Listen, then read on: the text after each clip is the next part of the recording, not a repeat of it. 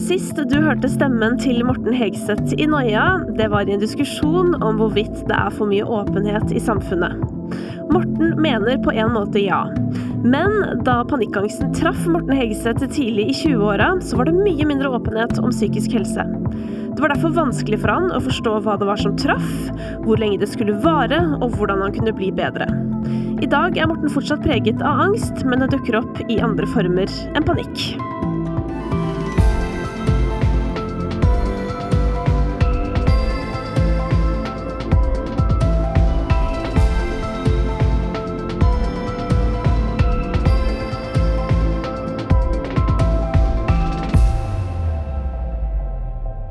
Morten Hegseth, God dag. velkommen hit. Takk. Det er fint her.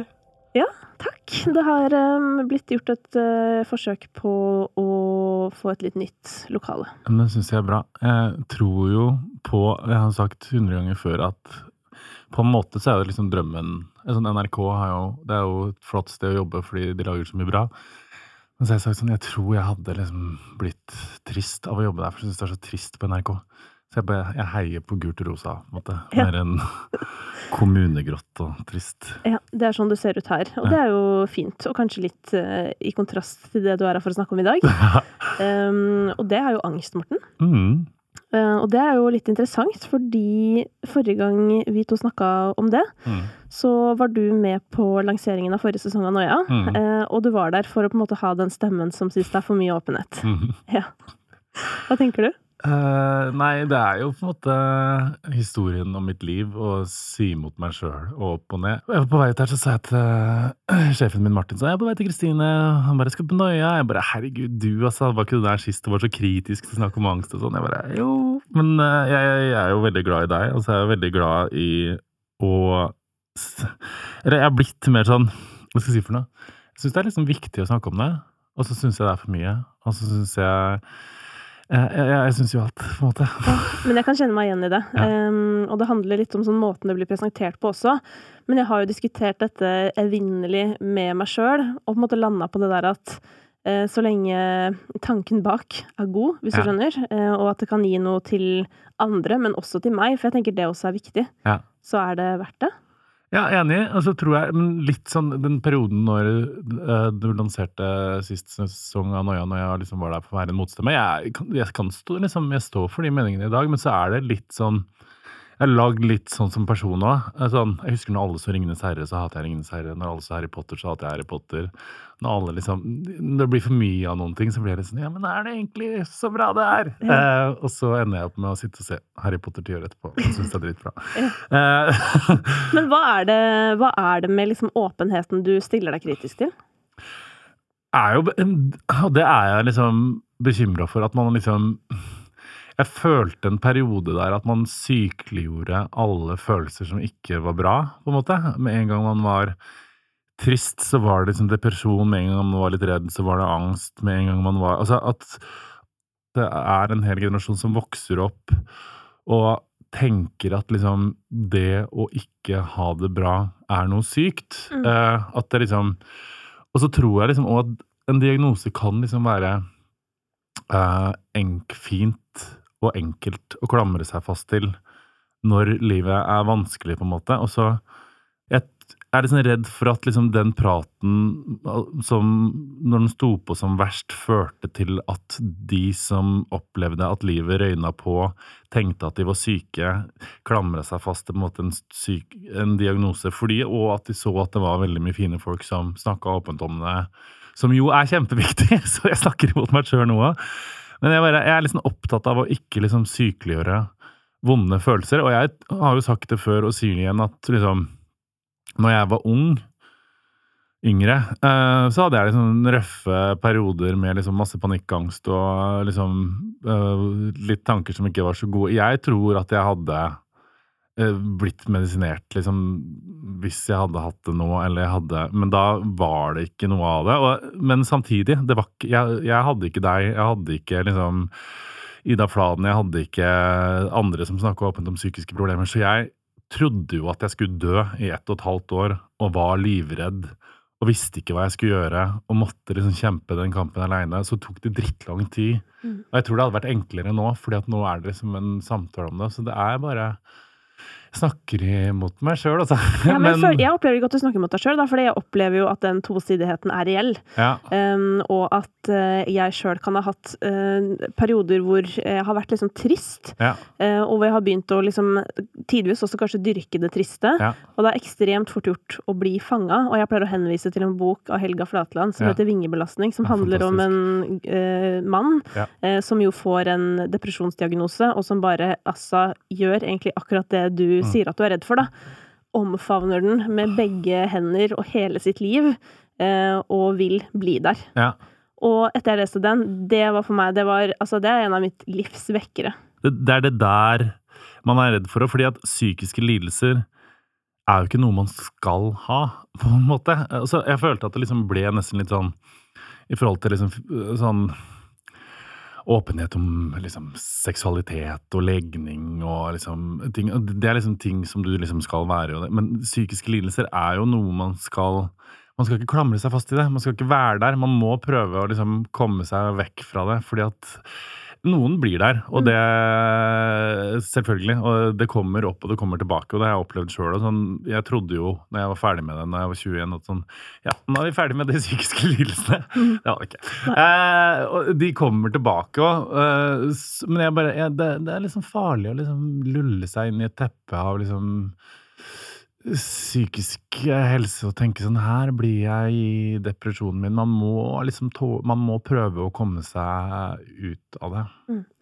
Men det er jo derfor du er her i dag, Morten. Det er jo fordi at eh, jeg har forstått at, eh, at angsten din ikke er noe som dukket opp da du var 20 og ble borte for alltid, Nei. men noe som du kjenner på Ja, men helt annerledes i dag enn da. Fordi når jeg fikk den når, sånn, når jeg var øh, jeg var vel 20, tror jeg, første gang på. Martins, når jeg var fyllesyk etter å ha festa på Svartlamoen. Tok en bit av en burger og bare vrrrr, sa hjertet mitt. Og jeg bare Jeg husker ennå når jeg sprang ut der og bare Hva er det som skjer? Og jeg husker hjertet nå. Eh, og jeg trodde Nå dør jeg, på en måte. Uh, uh, det var liksom panikkangst. Den var slitsom, men den var så innmari fysisk, på en måte. Det var kjøre i tunnel, få opp hjertegreia, kjenne seg liksom som jeg røyka et trekk weed og få hjertet opp og ned. Og den var sånn Den var helt jævlig når det sto på, for jeg visste ikke hva det var. Så det er liksom det verste jeg har vært borti. Men øh, den angsten kommer tilbake nå også, men ikke i panikkangstform. Den gjør det fremdeles. Hodet mitt, øh, som jeg liksom irriterer meg over, er sånn jeg bo, vokste opp på Stjørdal, og så har jeg bodd i Trondheim, og så må man kjøre gjennom der. Og det er en gammel vei og en ny vei, og den nye veien går eh, halvparten så rask tid, og der er det tunneler. Og det var der jeg fikk det panikkangstanfallet. Kan du ikke fortelle om det? Jo, fordi jeg, det var når jeg var 21, så jeg husker kanskje for andre gang. Da kjørte jeg bil, og så var jeg midt i tunnelen, og så kjente jeg! Jeg fikk ikke tak på hjernen min. Det var som om det var litt sånn skyete, sånn cloudy på en måte oppi hodet. Det var som om jeg sånn det var som å ta et trekk hasj, som jeg et trekk hasj hør på han på 68. Men det var litt sånn, Og derfor takla jeg ikke den følelsen heller. Men det var sånn Jeg mista fokuset, og så gikk pulsen opp, og så slutter jeg, så slutter jeg å puste. Jeg kjenner at sånn, nå får jeg ikke til å puste, og så blir jeg svimmel, og så føler jeg ikke at jeg har kontroll. Og så kommer bilene i motsatt retning, og jeg tenker sånn Nå dør jeg. For jeg har ikke kontroll på denne bilen, og jeg har ikke kontroll på hodet mitt. Og jeg, jeg slutta å puste, og jeg tenkte sånn Dette her går ikke. Og så er det 80 km i timen, og så kommer jeg mot slutten av tunnelen, så tenker jeg dette går, dette går, dette går. Og så vrenger jeg bilen av på sida, og så kaster jeg meg ut av bilen og bare Jeg husker det. Jeg bare tenkte sånn Å, fy faen. Jeg klarte det. Og øh, det, det var jævlig, fordi de andre gangene var liksom sånn Da var det ikke fare altså, Jeg trodde jo at det var fare for liv og helse, men der var det fare for liv og helse. For det, det kunne ha vært en stor risiko for at jeg hadde meia ut på den andre sida. Og, det klar, og, selv om panikkangsten min er borte, så er det Den klarer ikke å glemme tunnelen. Det er som om hjernen min har rissa inn tunnel. Det går ikke. Så jeg har prøvd å kjøre tunnel, men alltid når jeg kommer midtveis, så blir jeg fjern i hodet. Eh, jeg slutter å puste, og jeg kjenner på et sånt ubehag som jeg ikke har kjent på på Det, det går ikke bort. Jeg tror faktisk hjernen eh, har litt problemer med å glemme det, men Ja. det kan vi komme tilbake til litt seinere. Har du noen tanker om hvorfor eh, den panikkangsten kom i utgangspunktet? Ja. Og det har jeg liksom egentlig ikke klart å sette ord på for, for, så lenge. Det tror jeg den kom av dødsangst. For at jeg trodde uh, at jeg hadde en alvorlig sykdom. Uh, fordi at ja, er, Jeg skal skåne den som fikk meg til å tro det, men det var noen som uh, sa noe i den retning. Og så tenkte jeg å ja, jeg har en alvorlig sykdom, liksom. jeg skal dø. Og så klarte hodet mitt det Jeg ble så redd for akkurat det. At jeg liksom Jeg klarte ikke å si det høyt til noen andre. Jeg klarte ikke å snakke med noen om det. Jeg turte ikke å gå til legen og få avkrefta at jeg har en alvorlig sykdom, fordi at hodet mitt sa det er bedre å leve i uvissheten enn å få det svart på hvitt. Fordi da er døden der. Så det ble Det var en dødsangst i utgangspunktet som jeg liksom prøvde å øh, døyve. Og så tror jeg at den fortrenginga der Og jeg har vært ganske sånn god på fortrenging. Bare sa mm. Og så sa vi sånn Nå skal vi koke litt med hjernen din. I tillegg til at jeg liksom òg eh, levde på i sjette gir og hadde det gøy og liksom ikke liksom nødvendigvis tok de sunneste valga og sånne ting, som jo er løsningen for meg i dag. Fordi nå er jeg sånn når jeg har det best, så er jeg liksom oppe på morgenen klokka seks, jogger meg en tur klokka sju, spiser frokost, spiser smoothien min, går på jobb, trener etter jobb. Rutiner for meg er det sånn Det funker uh, bra i mm. hodet mitt. Og mm. når det blir for ustrukturert, så er ikke det nødvendigvis veien å gå. Så jeg tror liksom det var en god kombinasjon av det. Men det var liksom dødsangst og sånn som gjorde at jeg fikk skikkelig angst. Mm. Men du sier at du, altså, at du hadde da halvannet år hvor panikkangsten fikk mm. herje. Hva ble det avgjørende i å få det bedre fra den? Det var litt sånn eksponeringsterapi, sakte, men sikkert, som jo var ganske vondt. Og så husker den følelsen enda, at det var litt sånn Det var nesten ett og et halvt år med en blanding av fyllesyke og influensa. Sånn føltes det litt. Og jeg kom, husker at jeg liksom aldri ble jeg liksom ordentlig glad, aldri ble ordentlig rolig jeg tvang meg ut i det, på en måte. Og til slutt så klarte hjernen å tenke vi skal ikke dø, uh, dette går fint. Trente. Veldig viktig. Uh, så gikk det, men sakte, men sikkert bedre. Det var liksom sånn kasta ut i det, liksom. Ikke lulle seg inn i jeg er panikkangsten min. Mm. Jeg anbefaler jo heller å gå til en psykolog enn å holde på å kave for seg sjøl på Grünerløkka i all sin prakt. Ja. Det gjør jeg også. Ja. Men uh, hvordan uh, preger Altså, hvordan har angsten liksom prega deg siden da? Nei, nå har jeg sånn kontroll på den, og nå er det sånn uh, Jeg har det bra, og jeg har hatt, det fryktelig liksom, bra de siste åra, men jeg kan få det sånn Det kan komme sånn for eksempel første dag etter jobb på sommeren. Den kom i fjor, husker jeg. Jeg hadde vært sommerferie i fem uker, og så skulle jeg og Vegard på et opptak der vi spilte inn 38 TV-reklamer for et eller annet og sånn. Ding, ding, ding, ding, ding. Hadde det kjempegøy. Og etter da så kjente jeg sånn Nå er det noe på vei her som skal si uh, Og da husker jeg jeg gikk, for jeg bodde i en, et kollektiv på uh, Blindern sammen med kompiser. Og da gikk jeg fra VG og skulle opp dit. Og da kjente jeg sånn halvveis Dette går ikke så veldig bra. Så da satte jeg meg ned på Hva heter den baren på Bislett der? Den i hvert fall. Det var uteservering av seinsommer sånn. Tenkte jeg, nå setter vi oss her og tar et glass hvitvin. Fordi det har funka som en slags uh, Jeg skal være helt ærlig, det funka som en slags valium, på en måte. For jeg ble litt sånn roligere og sånn. Og så kan det komme, når jeg og du var sammen sist dagen før vi skulle inn på eh, Kompani Lauritzen, ja. Der en rekke kjendiser er med å bli psykopater etterpå. Uh, uh, da kjente jeg det, for da hadde jeg vært veldig nervøs og spent, hadde ikke sovet, var veldig masse nye inntrykk, og da sa jeg til deg sånn nå nå svinger rommet, på en måte. Og da blir jeg svimmel og, og, sånne ting, men da er det bare å gå og legge seg. Eh, så det, det, kan komme her og der, men så kan det komme Og den greia Det er nesten sånn Den er veldig sånn Jeg skjønner hva den kommer av, at hjernen har brukt seg mer, og det er bare noe som sier ifra. Men så kan det komme litt sånn andre ting som rett Litt sånn urasjonell redsel. Hvordan da? For å ikke bli likt. Eh, men samtidig så driter jeg totalt i å ikke, å ikke være eh, Altså, der er jeg jo veldig sånn dobbel. Jeg kan få perioder der jeg kan liksom se i blikket til folk at de ikke liker meg. Og så er det bare Det er nesten para- paranoia, på en måte, som kan komme Og det kommer òg veldig tydelig. Sånn tydelige intervaller, på en måte. Det kan skje sånn en gang i perioden, sånn annethvert år, og jeg kan lese ting som ikke er der. Og jeg kan overtolke uh, og sånne ting. Og der er ikke sosiale medier og sånn noe bra for meg. Jeg tror jeg hadde fått det bedre hvis jeg hadde sletta Instagram. Mm. 100 Men så Så er det jobben din, da. er det litt jobben, og så må jeg liksom ha det litt. Og så uh, Så jeg tror øh, at det kan gjøre meg Jeg får, jeg får ikke noe bra av det. Mm. Men det er vel liksom følelser Venninna mi som er psykolog sier sånn at sånne følelser kjenner alle på. Men de kan liksom bli ganske intense over lengre perioder. Og jeg kan bli sånn redd. Hva er du redd for? Jeg kan være redd for Jeg er ikke noe redd for faglige ting, for eksempel. Jeg, ikke, jeg kan stå i debatten på NRK med kristne fanatikere som sier homoer skal brenne i helvete, og du er en kreftsvulst i samfunnet. Da blir jeg nesten, får jeg nesten på kika, på en måte. Men når det blir eh, personlig, det er jeg litt redd for. Og er, jeg snakka med um, Hadde en psykologtime for ikke så lenge siden.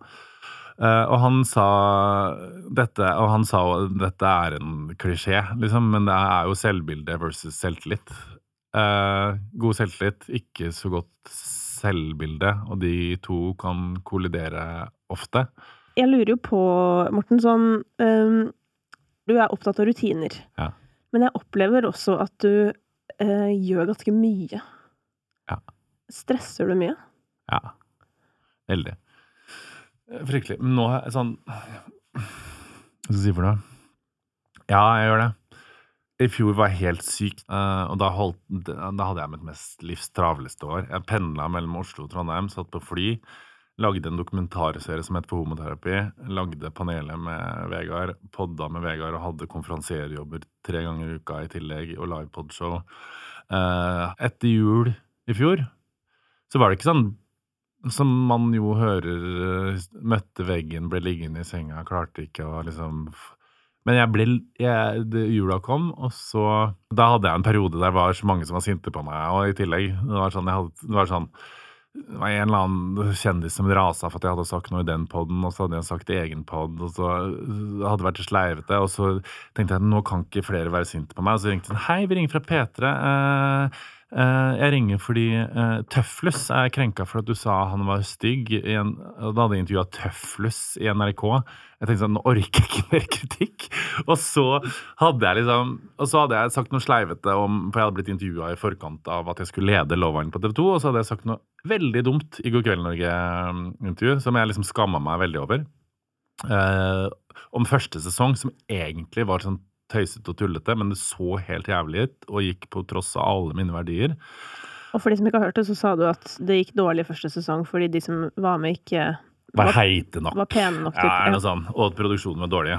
Eh, og det er jo så usjarmerende å si. Eh, og, og jeg så det og tenkte sånn Og jeg husker, nå har jeg sagt så mye unnskyld, men jeg husker at jeg donerte 2000 kroner til Amnesty. For jeg tenkte sånn, det var ikke en vits å si noe mer, bare gjør verden bedre. Jeg orker ikke si sånn, jeg mente det ikke, jeg mente det ikke. Tenkte sånn, ja, vi sender litt penger ut i verden. Men da var det sånn, boff! Og da ble jeg redd. Mm. Da, jeg var egentlig redd i to måter. Sånn, alle hater meg, alle liker meg ikke. Eh, jeg, var nær, jeg våkna med en sånn dirr av nervøsitet hele tida. Mm. Husker jeg sjekka Skulle sjekke mobilen på morgenen og bare åh, det var ikke 78 meldinger om at du var verdens jævligste menneske. Jeg var redd, og den tanken slapp ikke. Mm. Og det tror jeg kanskje var en slags Altså, jeg hadde nok Jeg bare følte at det kanskje var en reaksjon på noe stress. Her tenker jeg det er fint å ta inn psykologen vår Karina Carl. Hva tenker du, kan dette være en reaksjon på stress? Det kan absolutt være reaksjon på stress, og mange kan jo erfare en sånn stressutløst angst, eller det gir mening å, å kan, kunne Mm. bruke et sånn type begrep, da. Det har vært så høyt tempo over tid, eller man står i så mye samtidig og skal håndtere og fikser det, og vi er bygget for det, så vi Mm. klarer å gire oss opp, eh, ofte. Og så kommer det til et, til et punkt hvor, eh, hvor det ikke går så bra lenger, og da kan man enten oppleve å bli helt utmattet, Mm. Og i en forstand som ikke kun dreier seg om at det, det krever en enkel natts søvn, Mm. men, eh, men mer. Eh, og det blir vanskelig å tenke klart og huske og så videre. Eller man kan oppleve å få angst, eller bli nedstemt deprimert. En god cocktail av alt. Ja, fordi det er jo noe med det derre å, å på en måte få kritikk, det være seg av fremmede eller av nære og kjære. Eh, du ville jo stått bedre i det med overskudd, mest sannsynlig. Ja. Eh, men du er utslitt fra før, og så nevnte du jo i stad også dette her med at du generelt føler litt på det derre om du blir likt. ja. Og det hadde du kanskje følt på uansett hva slags jobb du hadde hatt. Ja, Men ikke ikke så mye Nei. som den jobben. Det er litt sånn sadisme. Men det er, jeg er jo så oppmerksomhetssyk, og jeg har verdens beste jobb, og eh, noen ganger sånn Jeg har sånn periode nå der jeg sånn klyper meg i armen for hvor heldig jeg er. Eh, Jeg tenker på det hele tida sånn Jeg er så fornøyd og liksom Nå har jeg det sånn skikkelig bra. Og da er, fungerer hjernen min sånn Er du manisk, da, kanskje? Det er sånn hjernen fungerer. den skal gjerne, vi skal gjerne kommentere på og, og lage historier om hvorfor ting er som det er. Da kan vi både erfare katastrofetanker eller kritiske tanker, eller Ja. vi, vi, vi, lager, eh, vi lager et rasjonale Ja. rundt det som skjer. Mm. Det er ikke, det der veit jo sikkert du alt om, men jeg bare innså sånn angst og øh, sånne ting. Det er jo ganske selvopptatt. Men jeg, hvis man klarer For jeg fikk det fokuset sånn Å, herregud, ingen liker Å, jeg er så redd. Ingen liker meg. Men så tenkte jeg «Ja, Morten, bryr seg ikke om deg, på en måte. Du er ikke liksom Sola går ikke rundt deg. Men Man skjønner hva jeg mener? At liksom angsten er litt Det er litt selvopptatthet i det. Vi blir selvopptatte når vi har det vanskelig, Ja. eh, spesielt. Um, dessverre. Ja. Da gir det også mening å nevne at det som kan hjelpe oss når vi har det vanskelig, det er faktisk å gjøre noe fint for andre. Ja. Flytte fokus ut. Um, gjøre gode gjerninger. Ja. Det virker. Komme oss ut, rett og slett, og koble oss på verden. Mm. Mm. Jeg har jo sånn, Hvis jeg er i en jobbsituasjon og alle stresser rundt meg, så Ja. føler jeg sånn ekstremt behov for å si at det finnes mennesker i verden som faktisk ikke har mat. Samme. Eh, Fordi vi eh, Det er jo veldig få mennesker i Norge som har eh, jobber Ja. som er avgjørende for eh, liv og helse. Det er Ja. jo faktisk de som jobber med liv, helse Ja, ja, ja. og sikkerhet, på en måte. Eh, og det gjelder jo selvfølgelig mange, Ja. men de fleste har, det jo ikke, har jo ikke den type arbeid. Og, og det prøver jeg i hvert fall å være bevisst på, for jeg også kan liksom Det derre eh, å ha et høyt stressnivå og et høyt arbeidspress Ja. kan jo veldig ofte forveksles med sånn Å, nå kommer det, nå kommer det, nå kommer det, nå kommer det, ikke sant? Og det kan jo, hvis du eh, tenker på det på den gale måten, Ja. så kan det jo også bli Ja, ja. eh, panikk. Og liksom en dag eller noen dager eller uker hvor livet blir vanskelig, da. Mm. Men eh, hvordan håndterer du stress? Jeg håndterer stress eh, ganske dårlig. Jeg tror ikke jeg får panikk, men jeg blir jo så stressa at jeg blir helt satt ut, liksom. Alt rabler eh, eh, rundt meg. Men jeg tror jeg er blitt mer bevisst på det. Men så tenker jeg det er ofte også summen av de ballene som er i lufta. Ja. Det er så mange ting som spiller inn, for det, er både det, hva du faktisk gjør, i hvilken grad, hvilken grad av kontroll du opplever at du har, Ja. Og så tenker jeg i tillegg hvilken grad av støtte du opplever at du har. Ja, ja. Du opplever at du navigerer i tråd med verdiene dine. Ja. Så da, så lenge du gjør det, eh, og opplever at du har støtte, og har en viss grad av kontroll, så tror jeg at du kan håndtere veldig, veldig, veldig mye. Ja. Så det er, det, er et, det er et regnestykke som er litt sånn sårbart, um, og som er i bevegelse. Det er ikke sikkert at det er så mye som skal til alltid, men, eh, men det er sammensatt, da. Ja, det tror jeg du har rett i. Og det er litt sånn apropos liksom det å bli eldre og være i midten av 30-åra og sånn. Og det er sånne ting som jeg burde ha blitt eh, mer bevisst på før, men jeg kjenner at det blir viktigere for meg å eh, tenke litt verdier og hvem er du og sånne ting. Ikke at jeg på langt nær er noen mor Teresa, på en måte, men at sånne ting hjelper. Før var liksom alt er lol.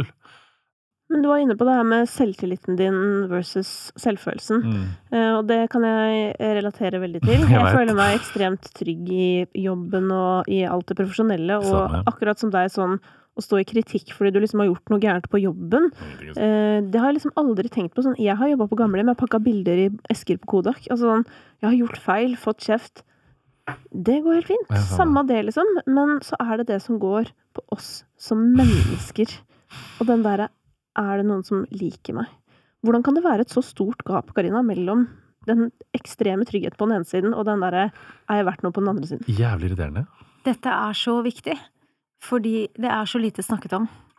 Eh, og det er en kilde til veldig mye negativ sammenligning, eh, mye misforståelser, mye angst, uro og nedstemthet. Em, når vi er i for eksempel i jobbsammenheng, så representerer vi en rolle, og, og det er ikke vår person. Så det er noe annet, mens når vi ikke er i for eksempel en, en definitiv rolle, da, som i en jobbsammenheng, så er det på en måte bare, i anførsel, anførselstegn, oss, og da blir det mye nærere og mye mer personlig. Sånn at vi kan tåle, og vi kan håndtere, og vi kan stå i ulike situasjoner, så lenge vi, eller krafta, at vi representerer en rolle, og i øyeblikket vi ikke gjør det lenger, så blir det annerledes. Det er så mange eksempler på det. Også hva angår for eksempel sosial angst, at man kan håndtere sosiale settinger i jobbøyemed, men i det øyeblikket man skal mingle eller være i en middag, eh, på en fest, møte mennesker, være i det offentlige rom i det hele tatt, gå i butikken, som privatperson, så kan det være veldig skummelt og vanskelig. Og dette angår veldig mange flere enn enn det vi tror, så det tenker jeg er et viktig perspektiv å få frem. Mm. Og det, det treffer også på tvers av kjønn, alder em, og yrker. Men er det, altså kan det være nesten sånn at jo mer du har å jobbe med, eller du vet sånn jo mer du jobber og jo oftere du er i den rollen, jo vanskeligere blir den andre sida? Det kan jo tenkes at det skapes en, en veldig stor avstand, eh, potensiell differanse, eh, mellom den du er og den du tenker eller tror at andre oppfatter deg som. Eh, forventninger knyttet til det, eh, til hvem du skal være. Eh, frykt for hva andre vil, vil tenke hvis de opplever eller oppfatter eller forstår eller innser at du også bare er et menneske. For eksempel med dine feil og mangler som vi alle har. Eh, så jeg tenker at i større grad av avstand det er mellom den rollen du representerer, og den du opplever at du er selv, desto større eh, sannsynlighet er det for at det kan utvikle seg noen vanskelige følelser. Mm. Eh, At man kan komme i klemme, da. Men øhm, Morten, øhm, opplever du øhm, på noe tidspunkt i ditt nåværende liv at angsten liksom hindrer deg i noe? Eller at den står i veien på noe vis? Tunneler, da. Kan ikke kjøre tunnel. Men eh, når den kommer, så Men jeg er, sånn, jeg er jo ganske heldig, fordi jeg hadde liksom en ganske intensiv periode. Og så jeg, er jeg på en måte et rødt menneske. Jeg er veldig følelsesstyrt, og de følelsene mine Det er mye opp og ned og sånne ting. Og jeg eh, Det er litt sånn som jeg egentlig syns er sånn viktig å snakke om, som er sånn eh, at man alltid tenker sånn Ja, nei, tenåra, bare vent til 20-åra, da blir det mer stabilt. 30-åra, herregud, da har jo ikke et eneste problem, bortsett fra 40-åra. Altså, eh, jeg har i hvert fall ikke opplevd at jeg syns det er så mye enklere å bli eldre i hodet. Jeg hadde mye bedre selvtillit og troa på meg sjøl når jeg var 24 når jeg var 34, på en måte. Eh, Så det at liksom den eh, det føler jeg henger sammen med klokskap, altså. At man blir eh, smartere, at du blir mer ydmyk ja, er- overfor verden. Ja, at du sant. skjønner sånn ok, shit, jeg er bare Oi, jeg er faktisk en bitte liten maur av en milliard andre maur, og jeg kan faktisk ikke endre verden på egen hånd. Jeg lovte at vi skulle komme tilbake til den tunnelen, fordi at eh, du sa, Morten, at du skjønner ikke hva det er. Eh, når du kjører i tunnel, så er det akkurat som hjernen din husker. Ja. Karina, dette kan jo du utdype.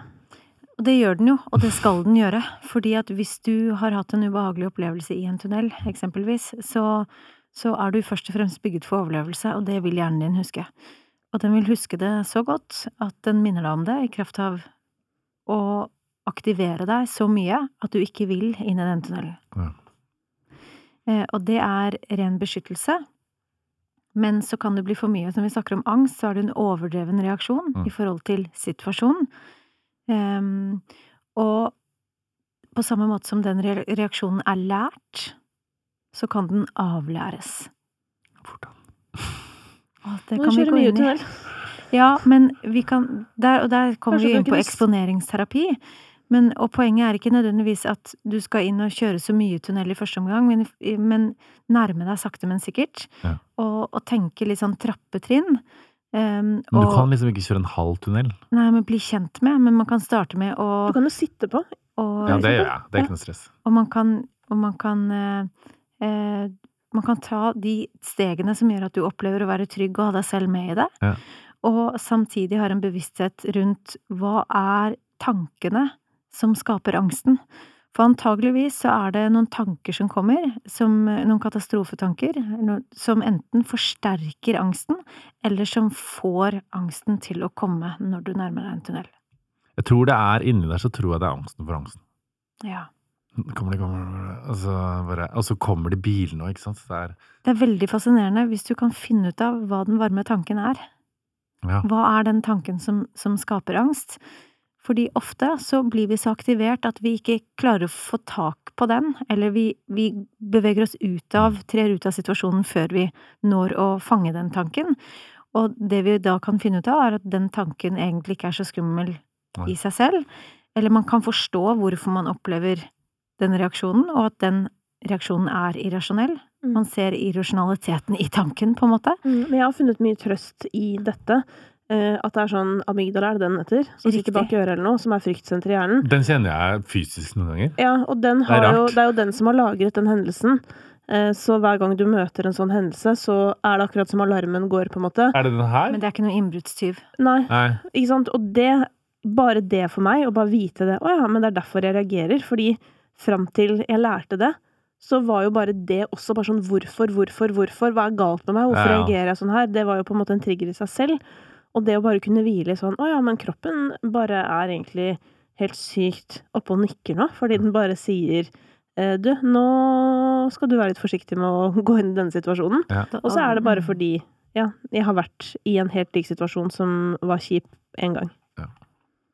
Det er, eh, dette var deilig å høre. Ja. Selv om den er jo litt vanskelig, den der tunnelen, da. Fordi den er jo litt sånn Men du vet det fins korte tunneler, Ja, jeg må finne kortet. så du kan begynne som kort, og så kjøre så frem og tilbake. Fordi liksom, hadde det vært en liten kafé, på en måte, så hadde jeg jo på en måte ikke daua uansett. Nei. Men der kan jeg på en måte Som du selv sa til å begynne med, Morten, at uh, det er viktig å leve også med de vonde følelsene. Ja, ja. Um, og Karina, det er jo noe du også er opptatt av. Ja, eh, glede, eller det å ha det godt, er ikke nødvendigvis en normal eller grunntilstand i oss. Vi er tross alt bygget med et sett grunnfølelser hvor, eh, hvor kun noen få, eh, avhengig av hva man definerer som grunnfølelsene, er positivt ladet. Og det handler jo igjen om overlevelse. Så vi skal kjenne på frykt, vi skal kjenne på sinne, vi skal kjenne på eh, dårlig samvittighet eller skyldfølelse. Ikke sant? Alle disse følelsene har en funksjon, men de kan oppleves som belastende, og det kan bli i for stor grad, og de kan bli for, eh, for voldsomme tidvis. Morten, hva skulle du ønske du visste om eh, angst eh, da du var ja, 18, da? At det går over. Eh, og at det er egentlig ikke Og det må man ikke overdrive, Fordi man skal ikke si at det er masse lærdom i angst. Men det er litt lærdom i det. Eh, at det går over, at det er litt lærdom av det. Og at mest sannsynlig så kommer den alltid til å være der i små perioder. Så det er bare å lære seg å leve med den. Det mener jeg. Jeg har jo opplevd det som ekstremt um, Hva heter det? Jeg har opplevd det som veldig berikende i jobben min, i møte med andre mennesker. For du har på en måte et lag til på en eller annen måte. Ja. Og det er jo sånn, jeg har lest masse om sånne artister som bare sånn Å, fy faen, jeg skulle på talkshow. Og uh, jeg fikk ikke komme og snakke om den nye plata hvis jeg ikke hadde noe tragisk og trist og psykisk sykdom å komme med. Jeg ville bare prate om hvordan jeg lagde musikken min. Og da ble jeg først litt sånn, så ble jeg sånn Å, herregud, så teit av talkshowet. Og så tenker jeg sånn Jeg hadde jo ikke orka å sitte og høre på deg snakke om dur og moll og uh, hvordan du produserte plata di. Jeg vil høre om når du skalv og grein på pikerommet og tenkte Jeg kommer til å dø. Det er mye mer spennende. og da kan jeg høre på dur og moll, så jeg interessert i mennesket via å få det. Det er jo kanskje det der at vi trenger noe å møtes i, da. Eh, og det sårbare, det er noe vi mer eller mindre alle har i oss, og Ja. det er lettere å relatere til. Det er en normaliserende effekt. Veldig hyggelig å få være her hos dere. Takk for at du ville komme. Takk for at jeg fikk komme.